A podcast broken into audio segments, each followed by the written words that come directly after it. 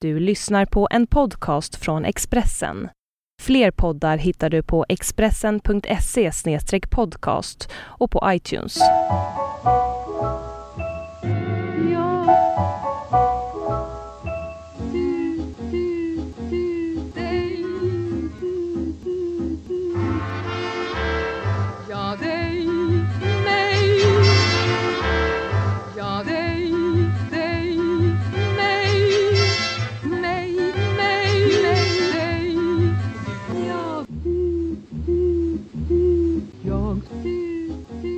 Ligga med Brodrej.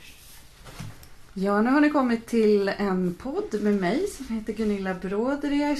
och eh, den här gången så har jag en, en gäst som man kanske inte omedelbart känner igen när man hör namnet men jag var på det splitternya ABBA-museet i förra veckan och där går man igenom, det är en nostalgisk eh, promenad man tar från folkparker till, fram till Polar, den fina Polarmusikstudion och däremellan så hamnar man på Stickan Anderssons kontor.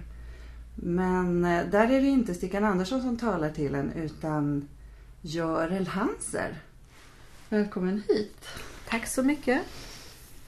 Du, är, du, du var sekreteraren som blev VD för Polar Music och har varit en viktig kugge i, i ABBA-maskinen. Och fortfarande så är du en nyckelperson kring Björn och Benny. Ja, det stämmer. Jag blev vice VD på Polar. Stickan var nog VD. Han I, var den, det. Ja. I den mån vi hade titlar. Okej. Hur såg den resan ut från eh, så att säga, tjejen vid kopiatorn till eh, tjejen som var styrman då? Ja. Det, det började med att jag blev anställd som sekreterare till Stickan Andersson. Slutet på 60-talet, 69, 69. Ja. Ja. Och eh, det var Stickans fru Gudrun som anställde mig. Stickan befann sig utomlands och det brukade han ofta säga att det var ju min stora tur för han hade ju inte anställt en sån flicka från landet som kom till honom och neg. Mm. Eh, Men jag Gudrun slutade såg väl... Gudrun såg dina kvaliteter. På, ja, ja. Vad, gjorde- vad tror du det var hos dig som hon liksom fastnade för då? Var du försigkommen och talför? eller? Nej, det tror jag inte att jag var då. Det blev jag med, nog mera med åren. Men hon såg kanske mina jordnära kvalifikationer. Jag kom från Västergötland, precis som Stickan. Eh, Gudrun kom ju från Värmland. Ja. Hon tog det på dialekten. Det var inte så mycket dialekt, det var det inte. Det var det inte? Nej, Nej. jag har inte pratat så mycket västgötska. Du har inte det? Nej. Varför inte? För att min pappa kom från Norge och pratade inte västgötska och min mamma var, pratade inte utpräglad västgötska. Nej. Vilket jag väl kan tycka var ganska bra. Ja, det kanske inte är den snyggaste dialekten i Sverige. Nej, Nej. det kan jag hålla med om. Mm. Men hur som helst, du blev... eh, och- Men varför sökte du jobbet då? Jo, jag eh, hade tagit studenten i Skövde och sen ville jag... Jag ville egentligen resa utomlands. Och då hittade jag en sekreterarskola som fanns i Stockholm vid eh, Kursverksamheten i Stockholms universitet hette det. Där man hade hälften av utbildningen förlagd utomlands. Jag var i Tyskland och jag var i England. Ja. Och sen var min ambition att fortsätta att läsa.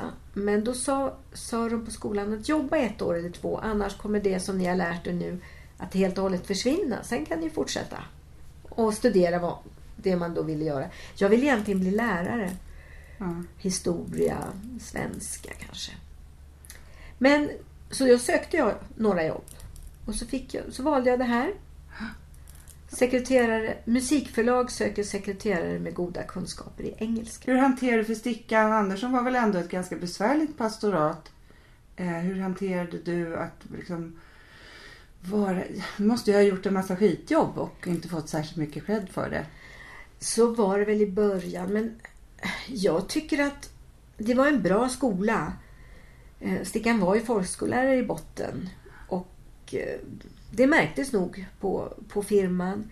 Jag hade ingenting emot att lära mig allt som det, som det innebar att jobba på ett musikförlag och ett eh, grammofonbolag. Polar bildades ju den vevan också. Mm. Fick lära mig det mesta. Alltså, jag fick en bra inställning med mig av Stickan att det spelar inte så stor roll vad var och en gör. Det, allt är lika viktigt för att vi ska komma i mål. Du kan sjunga bäst i världen men om du inte har någon som säljer biljetterna eller som städar scenen eller som syr dina kläder Mm. då, då är du ju ensam där. Utan vi behövdes allihopa. Stickan var bra på att hålla ihop känslan för det som vi höll på med. Han var bra på att informera. På den tiden fick vi ju vanlig post, brev. Det fanns ju inte, fanns ju inte ens fax. Nej. Så varje morgon när posten kom så samlades vi hos Stickan, vi som arbetade. Och så gick vi igenom posten och han berättade att nu händer det här och det här har hänt och så vidare. Så det fanns en väldigt stor eh, delaktighet i det. Ja. Men visst, visst var det så att jag i början gick på toaletten och grät lite. För jag tänkte, vad är det här? Han slängde pennor på mig och Vad var det för någonting? Var det för att han var kolerisk eller var, var, Det var han- tempera, temperamentsfråga? temperamentsfråga. Ja. Men jag lärde mig sen att eh, munhuggas tillbaka. Så vi, vi fick en väldigt eh, ska man, både rå men hjärtlig dialog. Mm. Alltså jag kände ju att han respekterade mig och, och jag kunde ge tillbaka i hans sätt att kommunicera. Sen kan jag väl säga att på slutet så kunde jag ibland känna att det blev nästan lite jobbigt med att alla förväntade sig att vi skulle ha den här jargongen, det här sättet att kommunicera på. Att det blev lite för mycket. Men det, Mm. det var en bra skola för mig att få skinn på näsan också. För jag vet att han uppskattade när man sa emot att man hade andra åsikter eller man inte bara sa ja stickan. Mm, mm. Vad var det viktigaste du lärde dig av honom? Om man, ja. Ja, dels var det det här att se att alla behövs i en, i en organisation. Sen var det det här till exempel att alla som hör av sig med brev eller telefonsamtal, de ska få ett svar.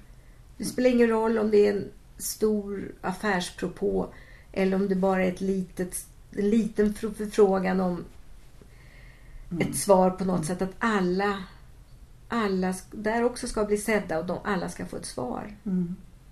Men, men eh, vad kunde du då lära honom? För det, det omvända måste väl också ha funnits? Ja, om han hade haft möjlighet att svara på det själv så vet jag inte.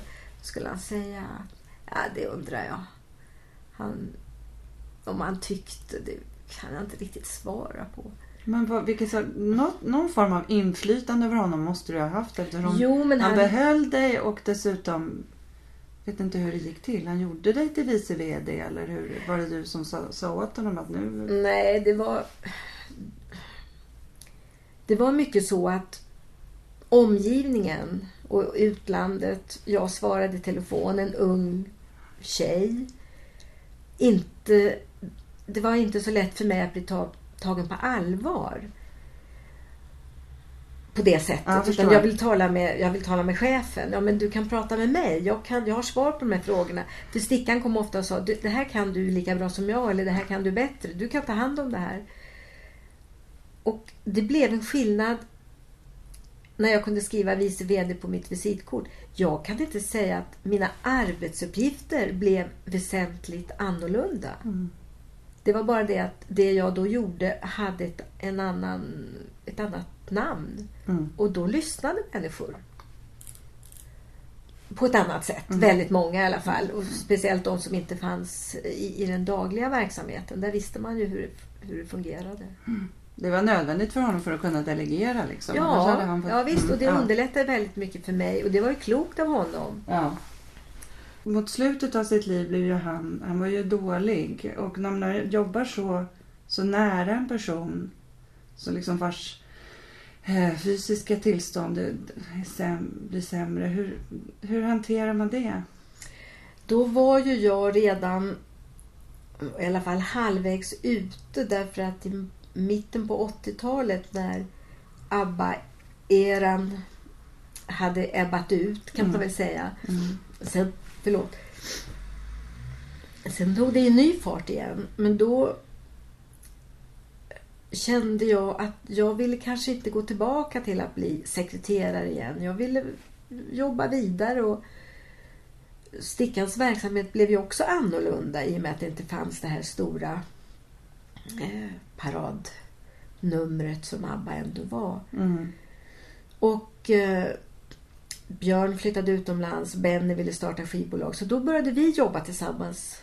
Så då hade jag liksom en egen, en egen väg. Men under ett antal, några år där i mitten på 80-talet så jobbade jag dels med mitt eget och det som var Bennys skivbolag och delvis mitt.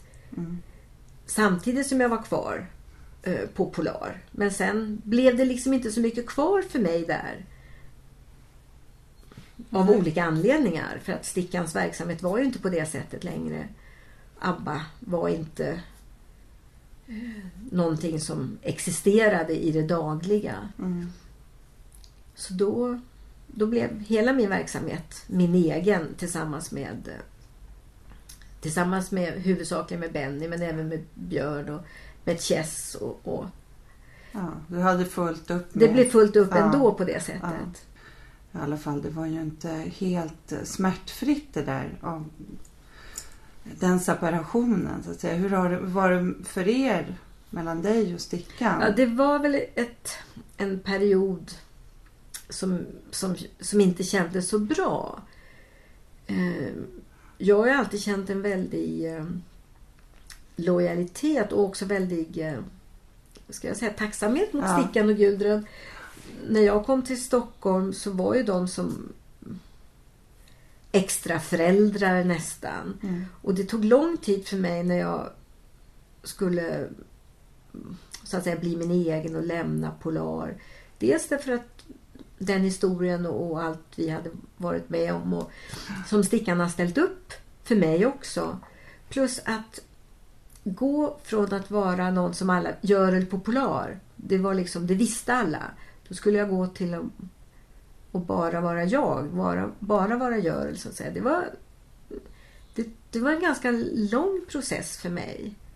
Men ehm, när, jag, när jag väl var framme så, så var vi, när jag väl hade gjort den processen så kändes det helt riktigt. Mm. Och Stickan och jag, vi blev också vänner. Vi kunde prata om alltihopa och sådär innan Stickan gick bort sen. Så det kändes väldigt bra. Du eh, har ett eget eh, ska säga, management och artistaktiebolag idag. Mm. Eh, men du jobbar inte riktigt lika mycket som du har gjort tidigare, har jag förstått. Har du typ gått ner till heltid? Jag har gått ner på heltid, ja. Ja. ja. Och du, det, är alltid dig, man går liksom inte, man, man kan inte komma förbi Görel Hanser när man ska fram till, till Björn och Benny så att säga. Och inte, Eh, ja du får hantera väldigt många olika frå, frågor och önskemål säkert. Men även kontakten med fansen. Jag har aldrig liksom egentligen sett dem på riktigt. För eh, det var 2010 när eh, Kristina från Duvemåla framfördes konsertant i Royal Albert Hall i London. Och då stod det en massa människor utanför sceningången. Och särskilt efteråt, men jag vet inte om de måste ha stått innan också kanske.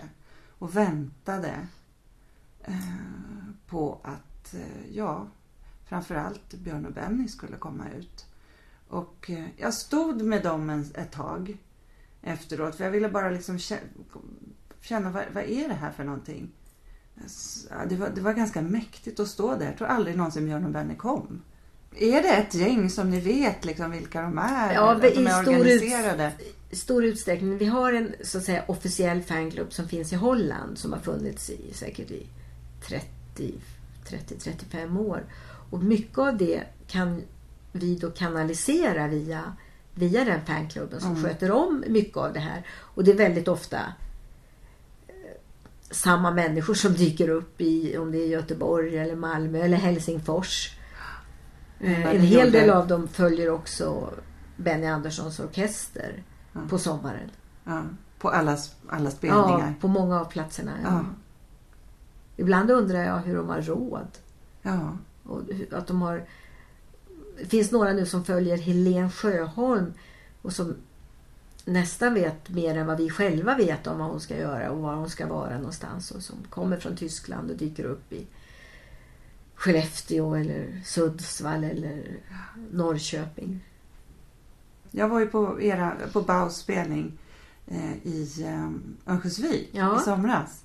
Och så, då flög, eh, flög jag hem därifrån.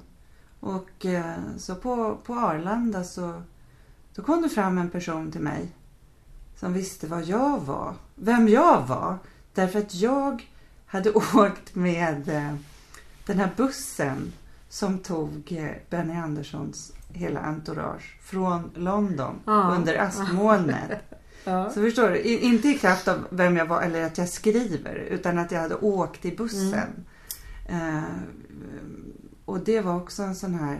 oh, det var liksom också en, en väldigt märklig upplevelse av, av, av all den kunskap som den här personen... De har sån otrolig koll på läget.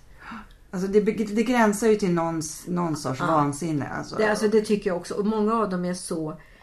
Alltså för mig är ju fans de här unga tjejerna eller killarna som, som dyrkar någon idol sådär. Men det här är ju människor som är alltså, jag ska säga, långt mer än fullvuxna. Det är ju Ja. verkligen absolut vuxna människor. Och det kan jag ibland tycka. Jag brukar säga att skaffa er ett eget liv. Kan man ibland känna att Ja. att det är, är det riktigt sunt att man har ett sånt enormt fokus i, i det skedet i livet. Ja. Men de allra, allra flesta är väldigt rara och, och, och vill gott och vill inte vara till besvär egentligen och sånt där. Jag tycker att så, så är det med de flesta som jag kommer i kontakt med. Så det har, har det aldrig någonsin blivit otäckt i de där... För den där kraften kan ju vara så stark. Nej, peppar peppar, det har det inte varit. I alla fall inte som jag känner till. Nu är det ju så att ABBA och, och Bao och Helen Sjöholm är ju själva väldigt vanliga människor. Mm. Snälla, det är inget inget rock'n'roll varken på scenen eller utanför scenen. Så att de lockar inte fram någon aggressivitet på något sätt. Utan snarare tvärtom. Mm. Och det drar väl till sig mera den typen av personer än, Mm. än eh, aggressiva. Mm. Mycket, lite för mycket kärlek ibland. Ja, Ska vi prata lite grann om den där bussen? Det var ju väldigt speciellt. Eh, Det var alltså 2010. Jag hade skrivit min recension då. Vi bodde på samma hotell på grund av att jag skulle... in- Ja, det var, det var praktiskt, av, praktiskt av olika sätt. Men hur som helst, det var min smala lycka. Därför att när vi slog på tvn där på morgonen efter konserten i Royal Albert Hall så då var det ju nyheter om att eh, flygtrafiken var utslagen på grund av askmolnen. Eh, kom du ihåg hur det hur den där morgonen såg ut rent Mm. arbetsmässigt för dig? jag väcktes egentligen av att de ringde från flygbolaget. Vi hade ju ett eget flygplan som vi skulle flyga hem med. Där de sa att som det ser ut nu så kommer vi inte att kunna komma över till London. Och jag förstod ingenting. Jag var alldeles nyvaken. Och slog på tvn och såg att det här... Först så tänkte man att det ordnar sig nog. Det kanske bara tar några timmar till. Mm. Men egentligen så förstod vi ju ganska snart att det här skulle inte gå. Vi samlades alla nere i... Det blev ju så. Frukostmatsalen. Den ena droppade in efter den andra och samma berättelse återberättades om vad som hade hänt och vad som skulle kunna hända och så vidare. Och då vet jag att Benny som ju är en väldigt eh, han är mycket entreprenör och tar tag i saker och sådär. Redan stod i receptionen för att kolla vad är det för sätt vi kan ta oss hem på? Vad finns det för möjligheter? Och redan då på förmiddagen var ju många möjligheter redan stängda. Det var, vi undersökte tåg till Frankrike. Vi undersökte, kunde man komma med helikopter, kunde man hyra båt och så vidare. Ja, det fanns ju många turer fram och tillbaka och vi dividerade och sådär. Så småningom så lyckades vi få fram då en buss som skulle ta oss ner till Dover för att sen ta båt över och en annan buss skulle möta oss där. Mm. Ja. Det tog ju sin lilla tid innan vi kom hem. För vi bytte buss fyra gånger.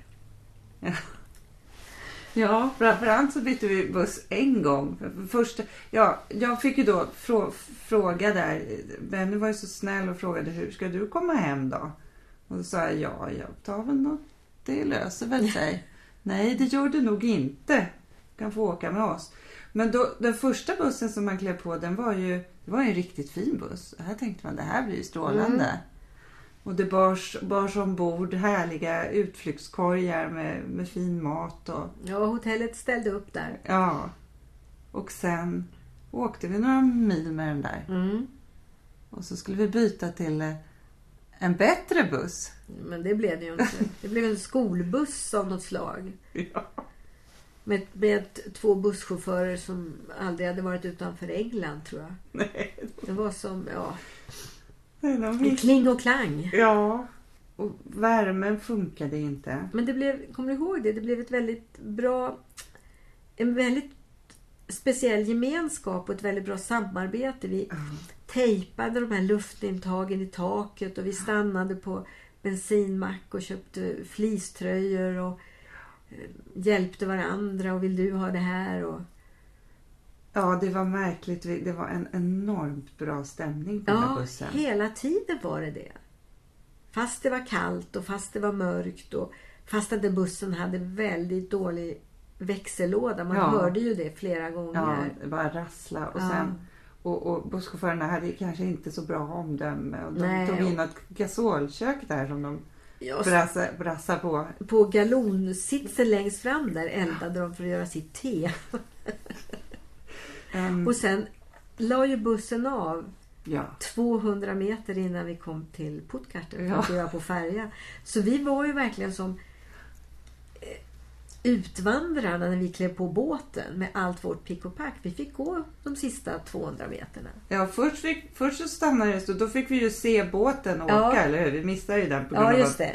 bussen skar Mm. ihop där. Och sen, ja, sen var det ju som ett, precis, det var som ett stort eh, eh, im- immigrantfölje Ja. där som travade ombord på båten. Det var väldigt mycket referenser till Kristina von Ja, det var det hela resan faktiskt. Hela resan, ja. Och det fanns ombord på den här bussen fast det både musiker och släkt och vänner och vad jag Barn kommer ihåg. ja, visst. Eh, kostymör Mm. och kostymörens barn och, och. Marianne Mörk var, var fantastiskt eh, eh, underhållande Mm. för större delen av resan vad jag minns. Ja, som hon alltid är. Ja. Ja. Så att visst var det skönt när man fick komma hem och man fick, då hade det väl gått 36 timmar eller mer, jag kommer inte ihåg riktigt. Mm. Att få komma hem, få duscha Mm. och få lägga sig i sin egen säng. Men samtidigt när jag tänker tillbaka på den där resan så vill inte jag vara utan den. För den var en... en jag menar, vi kan prata om den och vi har så många gemensamma referenser och minnen i det. Och det är alla som var med på den resan kommer lätt tillbaka till den när vi ses. Som en, en eh, som en stor upplevelse i livet. Men alltså det, den, den gav någonting mer än att det var ett sätt för oss att ta oss hem i det läget. Samtidigt så var ju hela den här situationen en, en mycket bra tankeställare om vi lever så otroligt skyddat här i Sverige och vi reser och vi gör allt och vi är fria. Plötsligt så satt vi på en ö. Mm. Och vi visste inte ens hur vi skulle kunna ta oss därifrån. Det har jag aldrig varit med om. Alltså, Och trots att, trots att det här är ändå så att säga, Björn och Benny som, som kan ändå ringa Ja. några samtal och Ja, så löser sig saker och ting. Trots det så, så blev det den här gamla skolbussen. ja. Det är också att, att alla får kontakt med, med någon slags realism också. Ja. Som, som jag kan föreställa mig att man ändå av naturliga skäl kommer ifrån i, de här, i den här världen som ändå är eh, där allting är lätt därför att det finns pengar. Ja, och är det lätt därför att det är något... Jag tänker på när någon frågar hur, med jobbet och hur orkar du? Och, Mm. Att få jobba med någonting som är som dels där man inte behöver oroa sig för om man ska kunna betala lön eller om man kan betala fakturorna när månaden är slut. Mm. Utan man vet att det finns möjligheter och resurser och att man också vill använda dem. Det, pengarna som går inte iväg till något riskkapitalbolag. Det gäller inte att hålla nere kostnaderna så mycket som möjligt för att det ska bli så mycket pengar över som möjligt. Utan man har, jag har då haft möjligheten att kunna bjuda mina medarbetare, om det är på cirkus i föreställningar eller här på Skeppsholmen, att göra roliga saker därför att vi, vi ska värna om våra medarbetare och vi an, då, får det bli mindre överskott. Och så gör vi den här roliga saken. Att inte behöva bekymra sig om eh, att det inte finns några pengar by the end of the day. Mm. Så på det sättet så tycker jag att jag egentligen alltid har haft det bästa jobbet. Det lättaste jobbet att se till att alla har det bra på jobbet. Och det är ju lätt att göra när det finns när, det, när den inställningen finns och de resurserna finns. Jag tror inte alls att jag skulle vara lika bra i mitt jobb om det hade varit en ständig eh, uppförsbacke. I alla fall har jag inte fått träna mig på det. Utan jag har fått bli bortskämd med att få jobba när, det är, när allting verkligen flyter på. Men du måste väl också ha varit tvungen att ta några jobbiga beslut? Absolut. Det har jag fått göra och det, det gör jag för det är Ja. mitt ansvar. Ja. Men om man vet varför man gör det så är det inte så kul just när man gör det men man vet att det, det är någonting som man ändå måste göra och det finns någonting som som är både nödvändigt och bra i att ta de här lite jobbigare besluten. Vad har varit det jobbigaste beslutet du har tagit genom åren? Det vet inte jag Gunilla. Jag är inte så bra på att komma ihåg jobbiga saker. Faktiskt inte. Det handlar naturligtvis om när människor blir besvikna. När det inte blir som de hade tänkt sig. Då pratar inte jag om den kreativa processen att man måste säga till någon att du inte sjunger så bra. Så det är ju inte min sak. Men det händer ju att vi har tänkt fel när det gäller kanske någon medarbetare. Och Då måste man säga att det, det fungerar inte. Utan vi måste, vi måste skiljas här. Mm. Mm. De bitarna är naturligtvis eh, det är det svåraste. Är det du som tar de samtalen? Ja, det. Mm.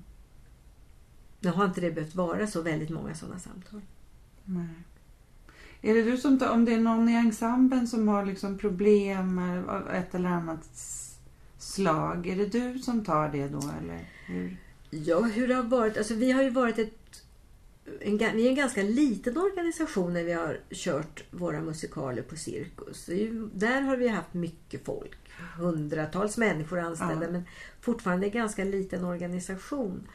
Och även om jag då har varit ytterst ansvarig så försöker vi komma fram till de här besluten gemensamt. Och i, för det mesta är det kanske jag som har förmedlat det slutgiltiga beslutet. Eller vi ser till att de som har problem, behöver hjälp, att vi kan kanalisera det. Vi har haft väldigt bra personer som har jobbat med personal. Mm. Vi ger dem resurser om det är att gå till läkare eller terapeut eller eh, vad det kan vara som, som kan hjälpa till att lösa upp det här problemet. Mm.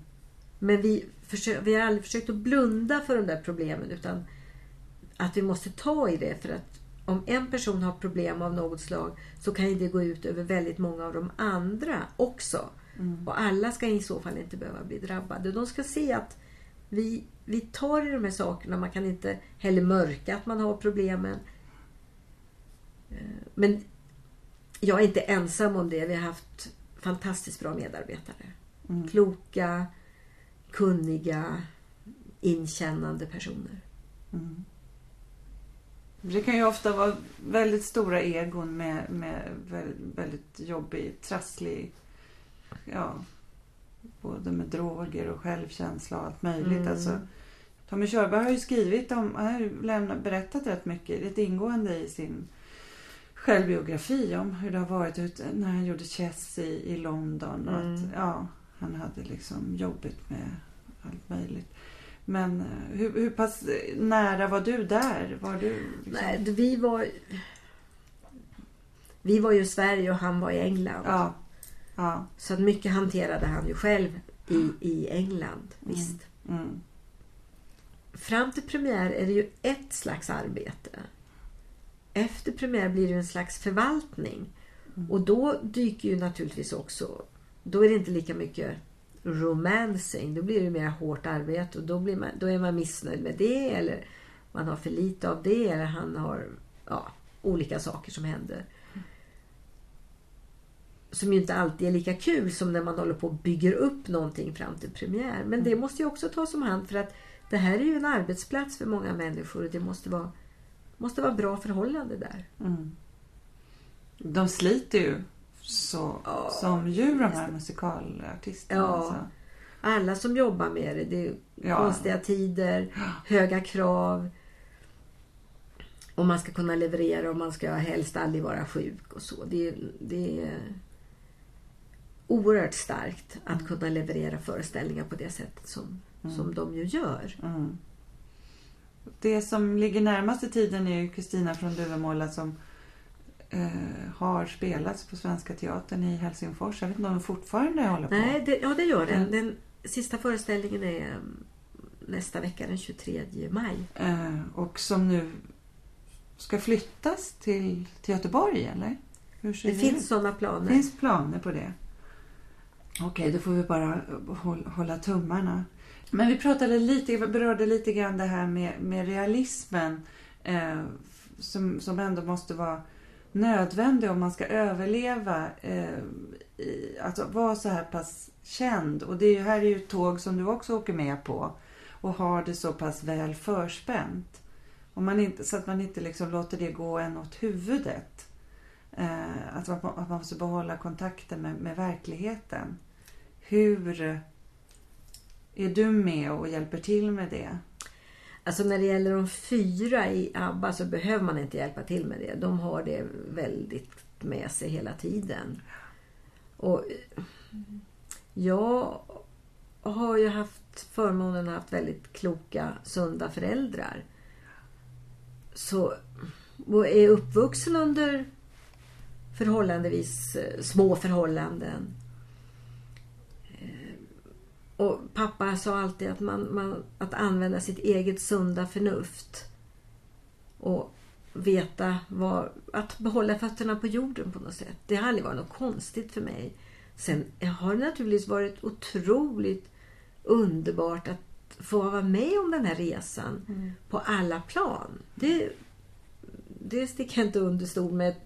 Tvärtom, det är ju en, en ynnest att jag råkade komma in i det sammanhanget vid rätt tillfälle och Stickan och jag funkade och sen har allting rullat på. Mm, mm. Jag har naturligtvis själv bidragit till det genom att klara av jobbet och, och att det har stämt och sådär. Men, men det har aldrig... Jag tror också, vet du Gunilla, att, att vara känd, tänker jag på de här fyra, i Sverige är otroligt mycket bättre och sundare än i England eller Amerika eller Frankrike. Där har de ju en idoldyrkan och en kändiskultur på ett annat sätt. Mm. Jag kommer ihåg att jag frågade Frida en gång när hon bodde i Zermatt. Där är det ju ett sånt där skid, en skidort i Schweiz med många så kallade kändisar. Så frågade jag henne. Det var när, alltså, kanske ett par år efter största ABBA-tiden. Hon, hon tyckte att det var jobbigt att liksom bli igenkänd. Och sådär hela tiden. Och så. Jag blir inte igenkänd om inte jag själv vill det. Mm. Det är inte, hon sa det är inte jag som har sagt det men jag tycker det stämmer. Det var, Mm. Jag tror att det var Catherine Hepburn som hade sagt det. Det ligger väldigt mycket i det. det är, man kan bete sig olika så att säga. Man, jag menar inte att man behöver dra en slokhatt på sig. Men man kan också ja, gå på gatan precis som du och jag. Och då inte det, det blir inte så stor affär av det på något sätt. Och det har man nog med sig från, från oss här i Skandinavien, det tror jag. tycker Sara Youngfeldt formulerade det där också ganska bra. Hon sa att det, hon är ju skådis och Mm. musikalartist. Du känner ju Jag känner henne. känner ja, henne en gullig säkert. tjej. Att det är så viktigt att inte tycka att det där är viktigt. Precis. Man måste hålla isär alltså det man gör och den man är. Bara för att jag jobbar med det som jag gör, som många tycker är och som det också är fantastiskt roligt och häftigt och så. Det betyder ju inte att det är samma sak som att jag... Alltså jag, jag är ju den jag är. Sen jobbar jag och gör andra saker. Det är liksom inte, man får inte sätta likhetstecken. Men om du ser, du som har ändå jobbat med det här så pass länge och har haft, haft så många kontakter med medierna. Har du sett någon förändring i hur, ja, hur eh, min yrkeskår så att säga, nu är inte jag kanske nöjesjournalist men ändå, eh, beter sig eller intresserar sig? Alltså dels att det är många fler och dels att man... Alltså jag har, in, jag har aldrig haft något bekymmer, något besvär med det. Nu jobbar jag ju med människor som snarare säger nej tack till saker än säger ja. Och eh, jag har heller aldrig behövt närma mig eh, media egentligen med att behöva sälja in saker utan snarare bara ta emot förfrågningar, kanalisera och Mm. säga nej. Eh, Men jag tror att alltså det kommer fram så väldigt mycket unga människor som Idol, allt det här som det innebär. Att man, och att det är någon slags status inne att vara kändis. Många gånger för, för vad, så att säga. Det jag har jobbat med, de jag har jobbat med, har ju varit kändisar därför att de verkligen har presterat någonting och, och det har de varit stolta över. Och när det har handlat om det så har det fungerat jättebra med pressen och så vidare. Men sen väljer de att... De är ju inte några talesmän för eh, uttrycka sig om vad som helst. De kan gärna uttrycka sig om att det kommer en ny turné eller vi ska göra en ny musikal. Men de är inte intresserade av att prata om sig själva på det sättet. Har det förändrats tror du? Det, ja, Intresset för personen liksom istället för det man gör? Ja, för många gånger så... Det beror ju på hur mycket det är som man har gjort som det finns att prata om. Mm. Med tanke på att det finns så många fler tv-kanaler idag. Ett helt annat utbud. Så det är klart att de kanske måste jobba mera i många fler kanaler för att det ska slå igenom. Men, men på Abbas tid på 70-talet så räckte det ju nästan med att man gjorde en stor artikel i Expressen eller att man var med i ett tv-program. Mm. Så är det ju inte alls idag. Du har inte märkt att eh, det börjar bli över nu då? Nu är ju Polarmuseet, i för vill säga Polarmuseet. Det låter, så- det låter som någonting som ligger uppe i Jukkasjärvi. Ja. Eh, nej, nu är ju eh, ABBA-museet på aktuellt och på tapeten. Det kanske är någon, liten, någon renässans nu då. Men, Alltså jag tycker det har varit en renässans i tio år. mm. Det är ofta som, som jag har sagt, ja, men, så här mycket ABBA-relaterade förfrågningar eller projekt. Eftersom jag kanaliserar det tillsammans med Polar på Universal som ju handhar Abbas eh, varumärke och, och skivor och sådär. Men allt som görs där måste godkännas av de fyra och det kanaliseras via mig. Mm. Så tänker man det borde ta slut någon gång. Och så säger jag, ja okej, ABBA-museet har naturligtvis varit en, en peak nu. Och nästa år är det 40 år sedan ABBA vann med Waterloo i Brighton. Så då händer det ju också lite saker. Men efter det blir det nog lugnare. Men eh, om vi ska gå tillbaka till ungefär där vi började och knyta ihop säcken. När du eh, gick där inne på, på ABBA-museet. Hur kände du? Ja, jag kände nostalgi och glädje och värme. Och så kände jag att... Åh, vilken fantastisk resa vi har varit med om. Och glädje över att det har fått, fått det här, den här fina ska man säga, förpackningen. Att det har fått den här fina utformningen och att det är gjort som ett museum som jag tycker man känner igen i Abbas värld. Abbas sätt att vara. Att det inte är något high-tech tjusigt på det sättet utan rart och trivsamt och, och ordentligt berättat och Mm. ja, precis som ABBA-världen som vi har haft egentligen har varit. Vad har du på, ditt- på ditt skrivbord? Vad ska du ta itu med när vi eh, stänger av bandspelaren nu då? Nu ska jag ta itu med slutgiltiga planeringen av sommarens turné med eh, Benny Anderssons orkester. Och så ska jag läsa ett korrektur på omslaget till eh, inspelningen från eh, Hjälp sökes, musikalen som har gått på Orion, eller fortfarande går på Orion teatern. Det kommer en CD efter sommaren. Det ska jag göra klart. Då vill jag tacka dig så mycket för att du ville ligga ner med mig en stund. Det här är en eh, podd från Expressen Kultur. Och om man går in på iTunes och Expressens hemsida så kan man hitta fler intressanta personer som har låtit sig intervjuas i horisontalläge. Um, Görel Hanser. Trevlig sommar. Tack detsamma Gunilla och tack för trevligt samtal. Tack. Det var riktigt skönt. Ja, Jag, jag förstår. Alltså det blir på ett annat sätt. Det är som att man inte ser varandra. ja. Nu, eller? Det var inte medvetet att inte vända. Nej. nej, Jag blir mer- nej, nej, nej. Bara jag. Jag Ligga med Brodrej.